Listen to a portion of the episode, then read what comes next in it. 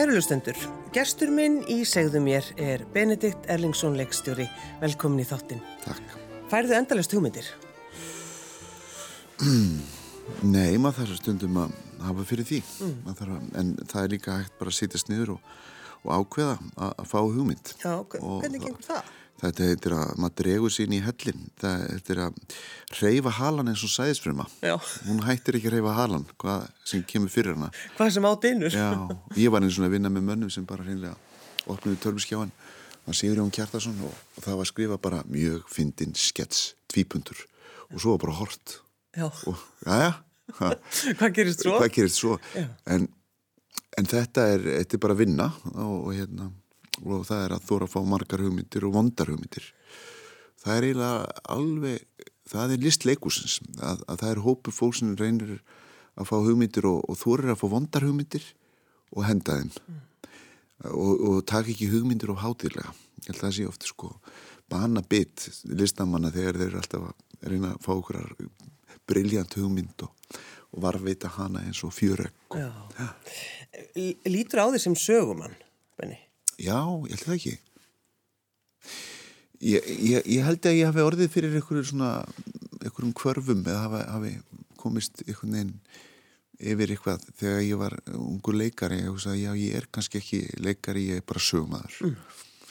Og sögumæður er kannski í víðu samingi ekki bara sögum, já, sögumæður á leiksviða eins og ég hef líka orðið í kvikmyndum eða, eða í frásögn og, hérna, og þar með erum við bara og við erum öll sögumenn og það er bara eðli mannsins. Ég held að, ég held að hérna, það er þetta þessi hugræna vera sem við erum. Við erum sögumenn, við segjum sögur og við tölum við hvort annað í sögum. Mm. og, og pólitík snýst allt um sögur það er allir að berjast um narratífuna. Já, já, já, og, hérna, og við erum að reyna að hafa áhrif á gegn, ég er að reyna að hafa áhrif á börni mín og vini mína. Er, við erum bara, við erum söguverur. Og hérna En ertu, ertu hættur að leika? Já, þú borgar mér peninga og ég fæ um, og ég þetta tekur ekki um einn eða tvo daga þá er ég alveg til, þá nenni ég þessu mm. en ég nenni ekki að hanga yfir þessu lengi þetta er svo leikúsið er náttúrulega algjör þrælakista fyrir, fyrir mig, fyrir, fyrir leikara er svo, það er svo bindandi mm. mikil orka sem fyrir það Og þú vilt ekki vera þannig, þú vilt ekki að... Nei, ég, bara, nei, ég hef bara aðra sjálfsmynd í dag, heldur en að ég hef farið inn annað. En, eh, en ég er náttúrulega byrð mikla og ómælda virðingu fyrir leiku, allt og mikla. En að pappi, hann var alltaf imbrenta þetta alltaf, skilur þetta var alltaf aðsta starfseiti leikúsins er leikarinn og það, það eru allir að þeir eru þjónar hans, það við þurfum ekki leikstjóra, við þurfum ekki leikhústjóra þurfum ekki einu svona í ljósamann við getum leikið í myrkri. Og þá heitir það útvarpsleikús það var alveg þannig að það var hann vissi nákvæmlega já, já, hann var, þetta. hann var þessum rattskóla sko. Rifust þau hjónin fóröldraðinni svona um, um listina? Og tilgangin einhvern veginn? Nei. Var þannig umræða heima hjá okkur við eldursporðið? Nei, þau voru þetta mjög ástyrðufullt og brennandi fólk uh, varðandi sitt fag. Pappi náttúrulega að byrja sem svona brektisti og ég held að mamma hafi nú verið, sko, hún inspiraðist mjög af svona lukokk og látbrasleikusi til þess að byrja með og kannski var hún svona meiri svona 68 fílingur í henni, sko. Uh, en hérna, þannig það voru þetta svona tveir ströymar í þeim. Mm. Um, en þau bárum þetta mikla virðingu svo sem fyrir hvort öðru. Þannig að þau voru mjög ólík og þau voru það er alveg rétt, þau voru alltaf mjög ólík sko að þessu leiti, en þau, þau tókust ekkit á um þetta held ég svona. Kynntist þau í leikusinu eða? Já, ég, ég já, mér skilst það. Já, ég held þetta hefur verið hérna einmitt í, í, í hérna Sónur Bakarans og Dóttir Skóvarans eitthvað Bertolt Brechtverk Já, já. Það var til einhverjum undaðinn þar Já. Og voru gift allar tíð? Uh, já, þau, þau hérna, ég var reyndar, uh, giftingi var nú svona redding til að bjarga andlitinu því að mamma var orðin ólétt, þannig ég, ég hef þetta verið til í, í, synd og, og skömm, en, en hérna í februar þá, þá hérna látaði púsa sér saman, svo fæðist ég í mæ. Mm. Þú vildi hafa þetta allt saman rétt. Já, þetta var eiginlega meira gert fyrir sagt, ömmu, ömmu Kristínu, var mér sagt. Já, það var bara þannig. En, en hvernig, var, hvernig var svona heimilislífið? Hva, hvernig ertu alveg upp? Benni?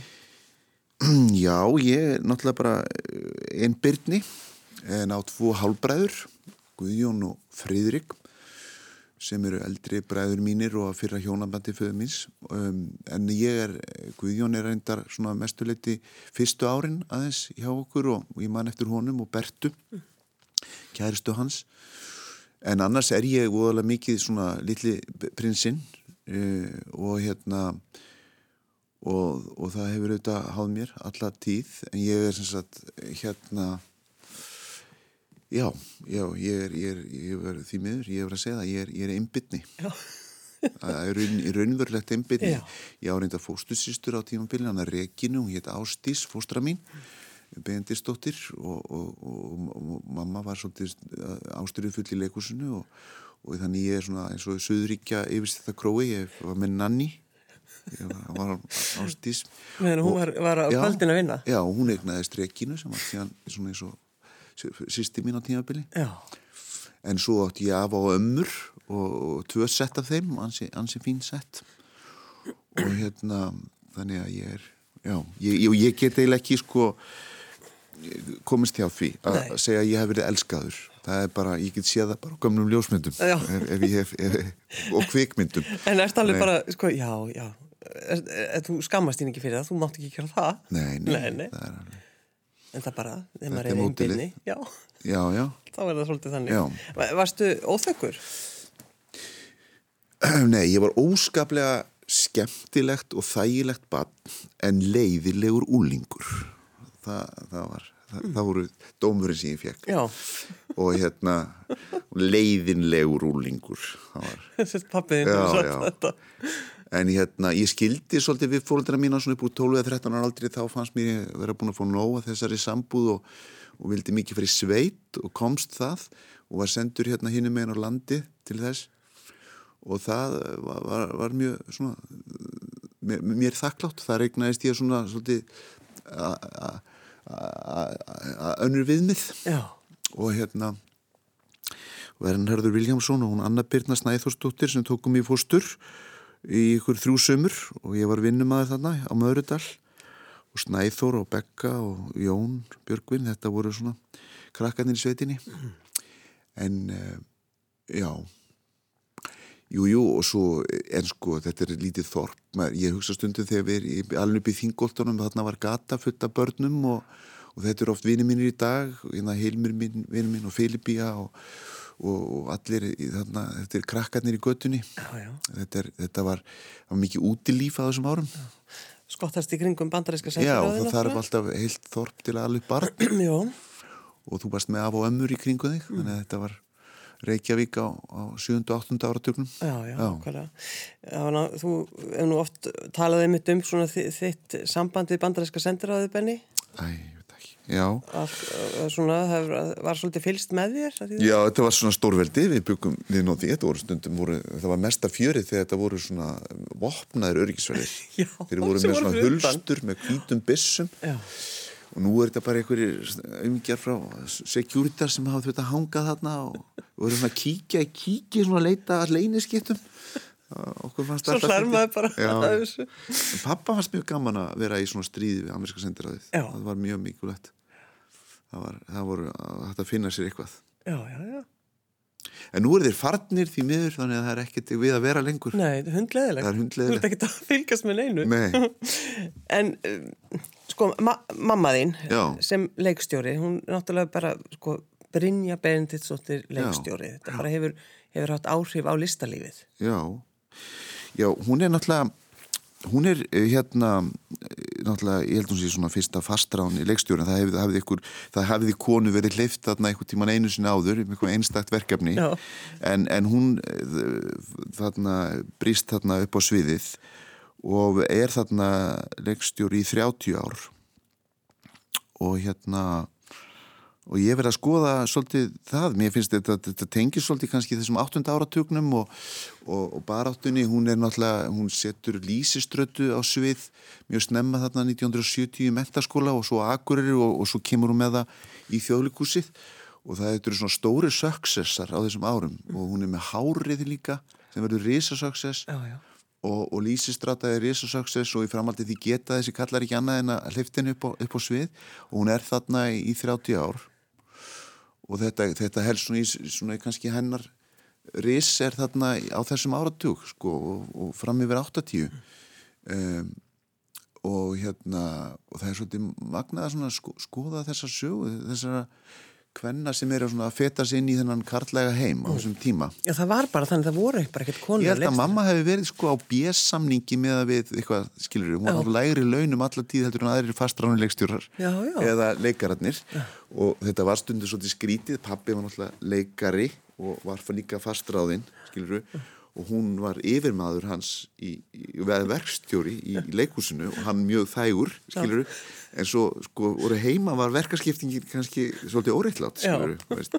Og, og þetta er eiginlega mjög magna varandi hvenna baráttuna og hvenna, og ég er eiginlega er að skrifa kvikmynd að handrit núna um þetta sem ég ætla að kalla hvennafrí en það er um, þú veist að konur á þessum tíma þessar ótrúlegu konur er að berjast fyrir svona grundvallarhlutum ytri viðurkenning og jafnrétti eins og sömu vinnu fyrir sömu laun á sama tíma og slagurinn á heimilinu er nánast óvinnandi fyrir þær Algjörlega. Veist, þær, og þær geta eiginlega ekki tekið hann Nei. þannig þær eru með heimilið og, og, og, og hérna misskiptinguna þar margar hverjar en er að berjast fyrir jafnréttinu eh, sagt, inn í samfélaginu Þetta er náttúrulega svo skemmtilegur tími. Já. Þetta er hvenna frídagurinn eða hvenna verkvallið.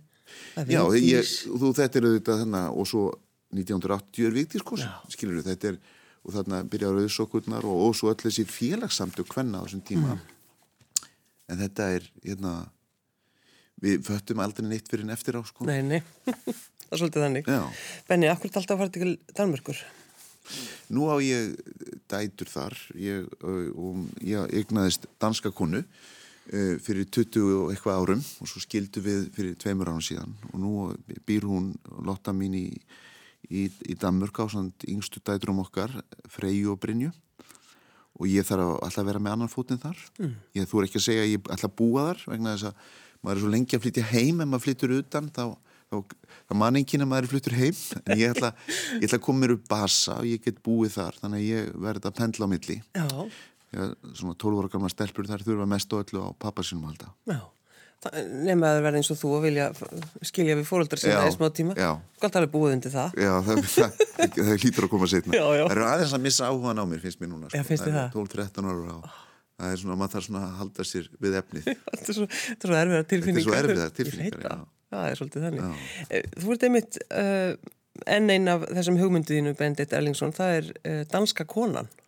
Já, ég ætla að gera sjónvaseríu sem heitir Danska konan sem er um brjálaða geðveika danska konu. Þá er, já, já, Bendit, það var náttúrulega að skilja við sína. Já, já, það er svona, það er sagan, þetta er semst ekki um hjónaband okkar Ó, lottu, en hérna, og þetta þróast reyndar hugmyndir svona með, með lottu á sínum tíma og, og ég hafði látið mér dreymum að láta hann að leika þetta, en það gekk ekki upp á endanum og ég skil það mjög vel, ég ætlaði, ætlaði mér á tíma að vera svona engima Bergman. Já, það er alltaf með fyrirvændi og- vinna með þeim. Já, en danska konanum er um konu sem flyttu til, til Íslands og hérna af einhverjum óskilgrindum ástæðum og, og býr í, í sambíl eða blokk og ákveður að lifta þessu íslenskan samfélag upp á danskan standard. Já, Já, það þarf að kenna Íslandingum íslenskt sem þeir ætti að kunna en kunna ekki eins og svona að taka ábyrða á lífi sínu og lifa í sambíli við annað fólk og fara eftir reglum og, og taka til eftir sig og, og, og svo framvegis. já, Þannig að þetta er, sagt, uh, þetta er mikið ofbeldið saga um, um þessa konu sem svíst einskis við að hún tilgangurinn helga meðalið. Þannig að hún, hún brýtur og baka aftur þetta samfélag og, og kúar alla til, a, til að hegða sér eins og alvöru fólk á að gera. já, já. Danirinn á sko, við erum ofta að tala um, þú veist, munun og Íslendingum og dönum. Já, við náttúrulega danir, við bara höfum svo margt að þakka dönum og þeir hafa kent okkur öll síðminning á Íslandi er dönum að þakka á einhvern nátt og á saman tíma elskum við að hatta þá Já, já. þeir kunna fara eftir reglum en, en danir eru svo nættilegir, þeir eru sko suðrænastir af Norðurlanda búum og þeir hafa minnstan áhuga á þessu norðurlandasamstarfi og, og hafa minnsta tengingar ef þetta norræna kæftæði og norræna arfin og eitthvað svona. Þeir eru svolítið líklað með það. Danir eru alltaf að horfa til Þísklands og Fraklands mm. þeir eru Evrópumenn meðan við erum alltaf eitthvað svíjar og normen, þeir finnst eitthvað flott að vera eitthvað norrætt og við náttúrulega erum þar litli prinsinn með okkar miðalda menningu erum alveg miðlægir í því sko. Þannig að við eigum einhvern veginn og sama tíma einhvern veginn þá, þú veist það er svo gaman með dönum, þeir finnst við ekkert svo exotíski sko. þeir finnst Íslandingar ekkert töf þeir valla vita af því að þeir hafi átt þetta Nei, ég, ég held að það sé rétt Þeir vita það ekkert, sko. þeir finnst þetta bara já, já, já, er það já. og það er svo skemmtilegt fyrir okkur sko. mm. það er svo uh, holdt fyrir okkur stundum En svo spyrjum við alltaf líka veist, við, við hvað starfaru, Danir gera það eiginlega ekki, þeir spyrja frekar, þú veist Nei. Það ætlar að borða eða Þannig hafa áhuga á öðrum hlutum eins og markaðnum og verðmyndun. Þeir hafa mikið, mikið áhuga á því og eru duglir í því að deila upplýsingum um það hvað hlutir eru.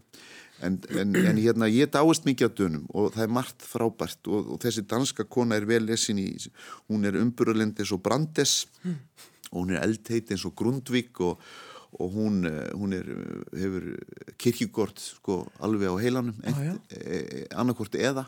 Þannig að hún, hún kann sitt sko, sitt, sitt kram Hver allar að leika dansku konuna, Benny? Hún heiti Tríne Dýrholm og er dansk leikona sem allar að hefur lofað því að leika þetta með okkur. Og hvað, ringdur þú bara í hana? Já, eiginlega. Eða, bara hæ trínu? Já, þegar, þegar Lotta sagði neytak, þá, þá ringdi ég bara í trínu. það er margir sem þekkja þessa leikonu náttúrulega, við hefum búin já. að fylgjast með henni í alls konar danskum þáttum, hún er frábær leikona. Já, hún er alveg frábær og hérna, já, líki dronningen síðast ah, þarna og, og mikið svona stórveldi og það er frábært. Hún þarf náttúrulega að læra svolítið íslensku, þannig að danska konan talar auðvitað sína íslensku. Já, já, auðvitað. Já. En Benni, hvað ertu búin að undirbúða oft fyrir að mæta á frumsýningu í þjóðlugúsið að sína okkur verkið sem þú varst að setja upp núna? Næsetningarna? Já, næsetningarna áttu að vera svona opnunarsýning, svona fyrsta leikárs leikustjórans, held ég, haust, síðasta haust, sko. Síðan var ákveð að gera þetta jólafrumsýningunni, svo var ákveð að fresta fram í janúar og svo var ákveð að fresta til 27. Nei, til, í mars og svo aftur setna í mars og þarna 24. mars þarna tveim dögum fyrir frumsýningu þá voru sviðslistir bannar og nú er ég aftur komin á stað. En ég held sko að það er önnu síning sem við fengið að matla og var skoist fram fyrir okkur Vertu Úlfur eftir starfsmann hérna fórstisraðunetinsins og ég held að þetta sé allt samsæri sko. Þetta er samsæri, þetta er stórt samsæri. Fórstisraðunetin er alltaf að reynsa svið alltaf að banna leiklist reglulega og og leifa það með takmörkunum svo bara verður úlfur geti rakað inn árum sem er enda nota benni frábár síning jú, jú. Er, og hérna Mér finnst þetta góð hugmynd já, Benni. Þeir, Þetta er samsæriskenning sem þarf að lása eitthvað Já, algjörlega, já. þetta er komið í lofti þetta er rás eitt En af hverju erum við að fara að sjá næsettingana? Af hverju erum við að setja það upp? Sko hvaða svar á ég að gefa þér? Það eru margar versjónir til. Já. Ég get alltaf að sagt þér þú veist, við tökum hérna að því við erum að allra landsmanna útvarpi sko, það var bók sem var mjög svona meginströmsbók og margir lásum sem heit Homo sapiens eh, stuttleg saga mannkynsins. Mm -hmm. og það er svona sumerið upp ákveðinu hugmynd um þessa, þessa dýratöfund manneskjuna og, og það sem kallað er cognitive being eða hugræn vera. Við erum viðkvæm hugræn vera á valdi hugmynda. Mm. Hugmyndir mannana geta umbreytt samfélagum þeirra og, og þeir, geta, þeir geta fengið mjög góðar hugmyndir og þeir geta líka fengið mjög vondar hugmyndir.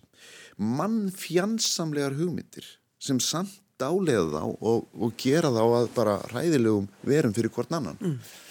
uh, þú veist, hugmyndin til dæmis eins og um að, að þú sért af einhverjum æður í kynstofni og það sé, sé, sé þitt og þú hefur verið undir okkur og, og nú, nú þurfum þú að íta öðrum kynstofnum burt. Þetta er sagt, þessi fasíska hugmynd sem, sem tröll reið hérna Evrópu og heiminum á sínum díma og þetta verku auðvitað fæðis svona, afsprengi af því. Mm. en mér finnst þetta svo stórkoslega hugmynd og nasettingarnir eru í eðlisínu þessi hugmynd sko, hvernig lítil meginst jáðarhugmynd verður að meginstjórnströms hugmynd og umbreytur öllu. Og leikúsið, vitt svo til að er bara akkurat staðurinn sem mannkinni fann upp á samt varðeldinum til þess að fá smá sjúdómsinsæi mm -hmm. inn í okkur, okkur þess að viðkvæmu hugrænu sögu veru og hvernig við stjórnumst að hugmyndum. Þetta var með þess að sagt við opnið fjölgúsins fyrir 71 ári vígvöllur hugmynda og hugssjóna. Það sem við getum gengið frá bardagunum sko á þess að hafa drefineitt. Og mm -hmm. þetta verk er auðvitað alveg bara í essin sínum hvernig við ánýtast hugmyndum, góðum og slemum og þannig í tilfellinu er þetta uppleikið slemhugmynd og hvernig við ánýtumst þeim ólíkum átt og hvernig það er umbreytt okkur. Og, hérna, og þetta er auðvitað að saga um lítið samfélag þar sem allir, það gengur víruslaus hugsanlega frá Östurlöndum þar sem fólk er að breytast í nasirninga. Mm. og hérna og lókum eru náttúrulega, er stóra hugmyndin syns að hvað er normal þegar allir eru rótni nasningar Þetta er sko bara að það verða frumsýna þetta leikrit akkurat núna. Já, svona... já Þetta er alveg óþægilega og leiðinlega aktuelt þetta, þetta verk og ég hef gert allt til þess að fjarlæga hengja þetta ekki, það er ekkert eins Já, þú ert ekki til að vera það smart þetta sé eitthvað Ég nenni ekki að trúa þessu þversum menn það verður að vera eitthvað fyrir áhverjandanum að hugsa um og tengja sjálfur. Já.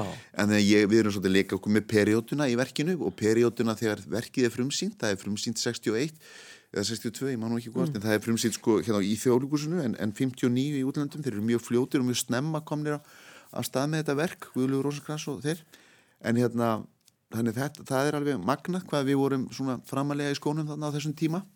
Það er svolítið skemmtilegt með 59 Já. og bara 61 er að koma til Ísland Já, og þetta var svona avantgard, kallað avantgard og kallað absúrt leikús svona er eitt af þeim verkum þegar absúrt, tími absúrt leikúsins, mér finnst það raunin ekkit absúrt við þetta verk. Uh, en þetta er mjög þetta er sirkusverk, ég leik mér þessi verk, þessu verki þarna 80 og eitthvað nýju í mentaskólum við Hamralíð í uppsetningu Andrisar Sigurvinssonar.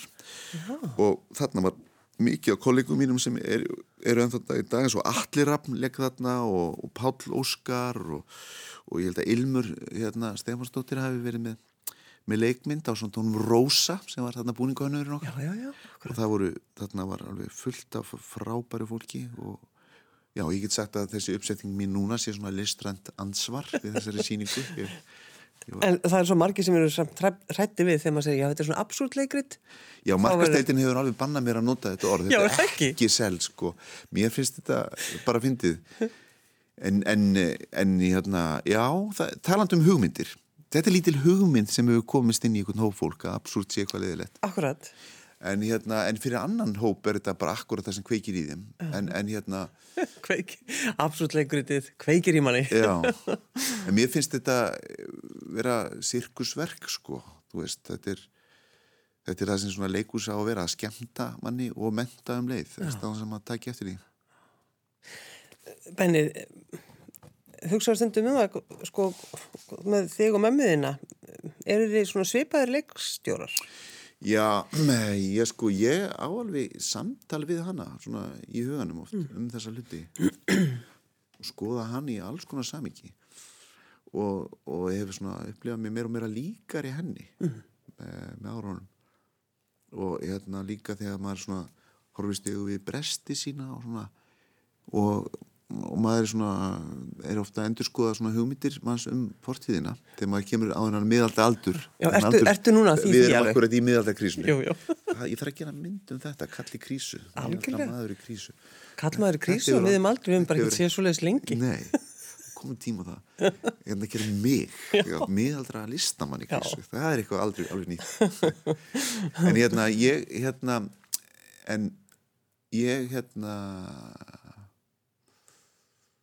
Já, þannig mér finnst það svona, það, það, er, það er mjög, mikið gjöf að geta speikla sér í einhverjum svona einna speiklónum mm -hmm. en hérna en svo hef ég líka á ættfræði og mér finnst mjög gaman svona í, í þessu sálgreiningarferðli að sko skoða forföðum hans í, í lengra og stærra samingi baráttu kynsluðana Já. og þú veist, og ef maður getur grafið eitthvað upp um langa, langa, langa ömmur og afa og, og lífsbaróttun upp og líf og dauð og aðstæður þeirra mm.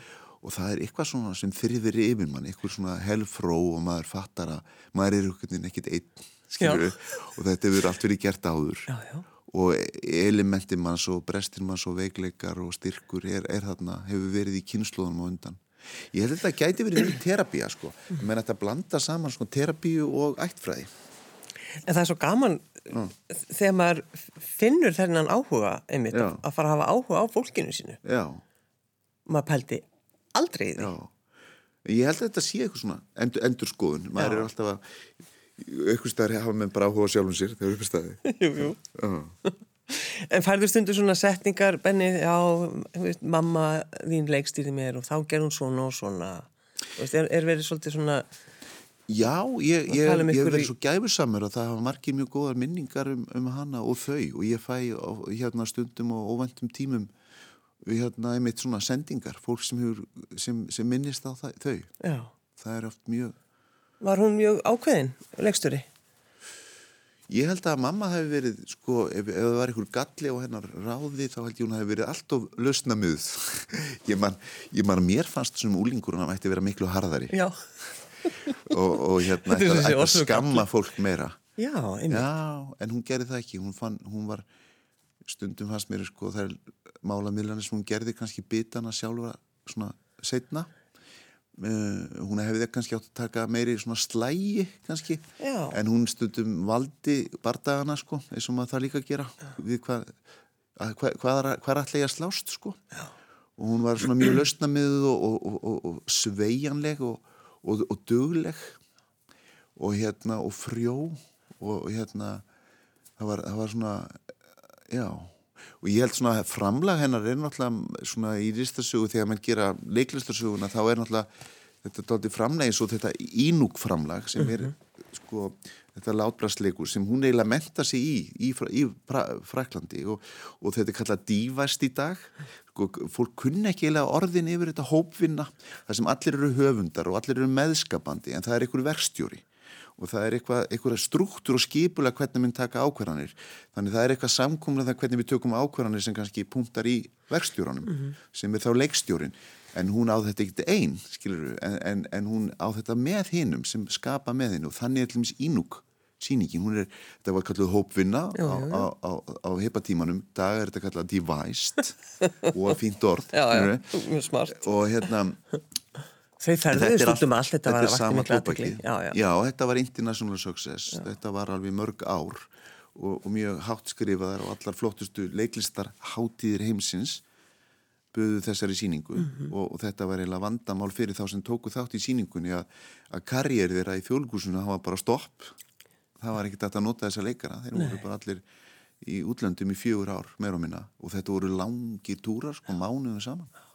Þetta reyndi mikið á þetta fólk Og hvað voru þið, pappiðin þá bara voru að býða eftir henni? Já, var- við vorum, hann settum uh, tannstöngla og elspýtur í kartöflu fyrir hvern dag sem hún var í burtu og svo var þetta, þessi ófreskja, þessi, þessi brottkvöldur svona tekinn. Ein, einn og einn, tannstönglu einu, þetta var, þetta var hugurinn sem litla batnið fekk og hérna, og svo voru fóstrur og afar og ömmur. Já. og svo, já, Þetta er svolítið góð hugmynd með tannstöngulinn og kartuluna. mér finnst þetta alveg ógeðslega hugmynd þú veist, þú veist mammaðin verður í burtu í, í þrjá mánuði og hvað eru það? Já, það eru 90 dagar hvað er það?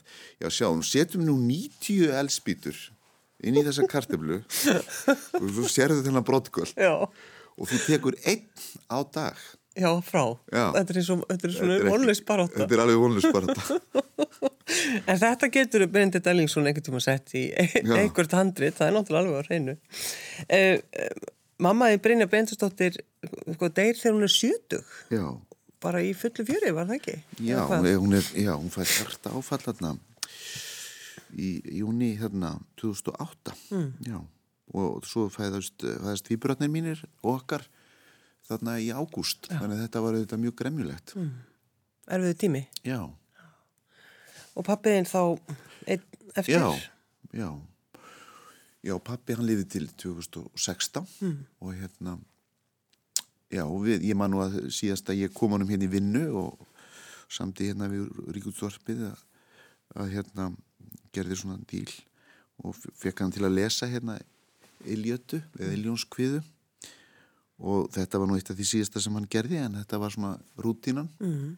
hjá honum Það var ótrúlega gaman að sjá hann þegar hann kom hérna einmitt inn, maður fylgdist Já. með honum og, Já. og það var urði einhvern veginn allir bara svona beinir í baki og þá var hann á í vatn fyrir hann og þá, mann þótt svo væntum að fá hann og hlusta á röddum hans. Og því lásið þetta er það ekki bara einhvern veginn Já, saman? já, svona svo ég hafði lofað að, að hann myndi líka lesa Ódysseus-kviðu, svo dó hann frá því verki þannig að ég þurfti, þurfti að klára þetta það, já.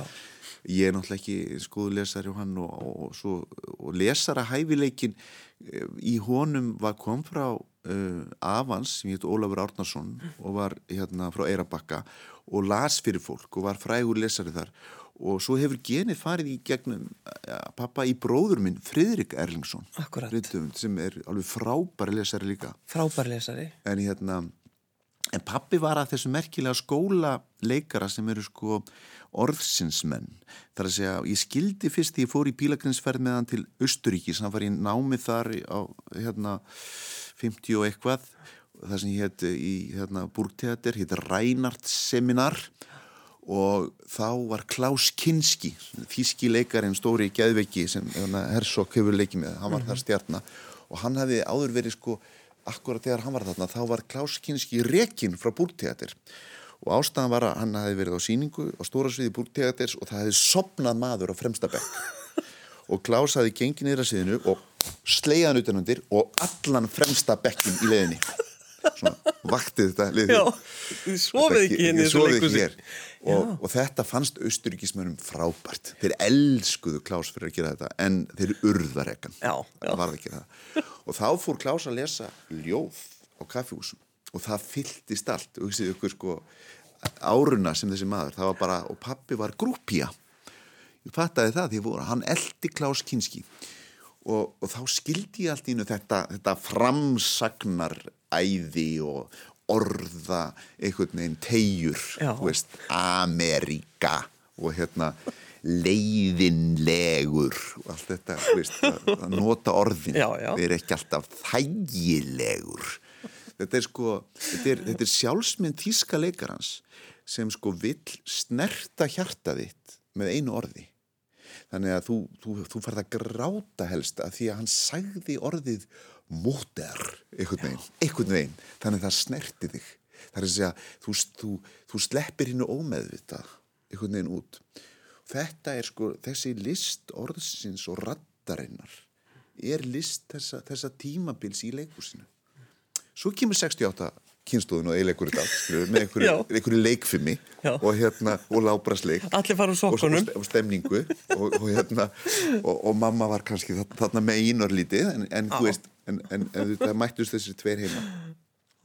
En þetta er auðvitað skóli þú veist og við eigum alltaf þessar stóru leikara eins og Baldvin, Lárus Pálsson er besta dæmið, hann er náttúrulega bara heilagur maður í augu þessar kynsluðar og allir lærisveinar hans sko sem er það Baldvin eða Róbert eða Gunnar, þú veist, eða Rúrik þeir eru allir, þetta er, þetta eru, sko, þetta er orðið sem fyllir þjóðlikúsið og þetta er ákveðin, svona, ákveðin tími ákveðin maður- ég, smekkur. ég heyri þetta, ég heyri rættirnar. þú heyrir rattirnar og, og við heyrum því í útvarpinu Þorsteinn Ö eða Gísli Halldórsson, allir þessi kallar.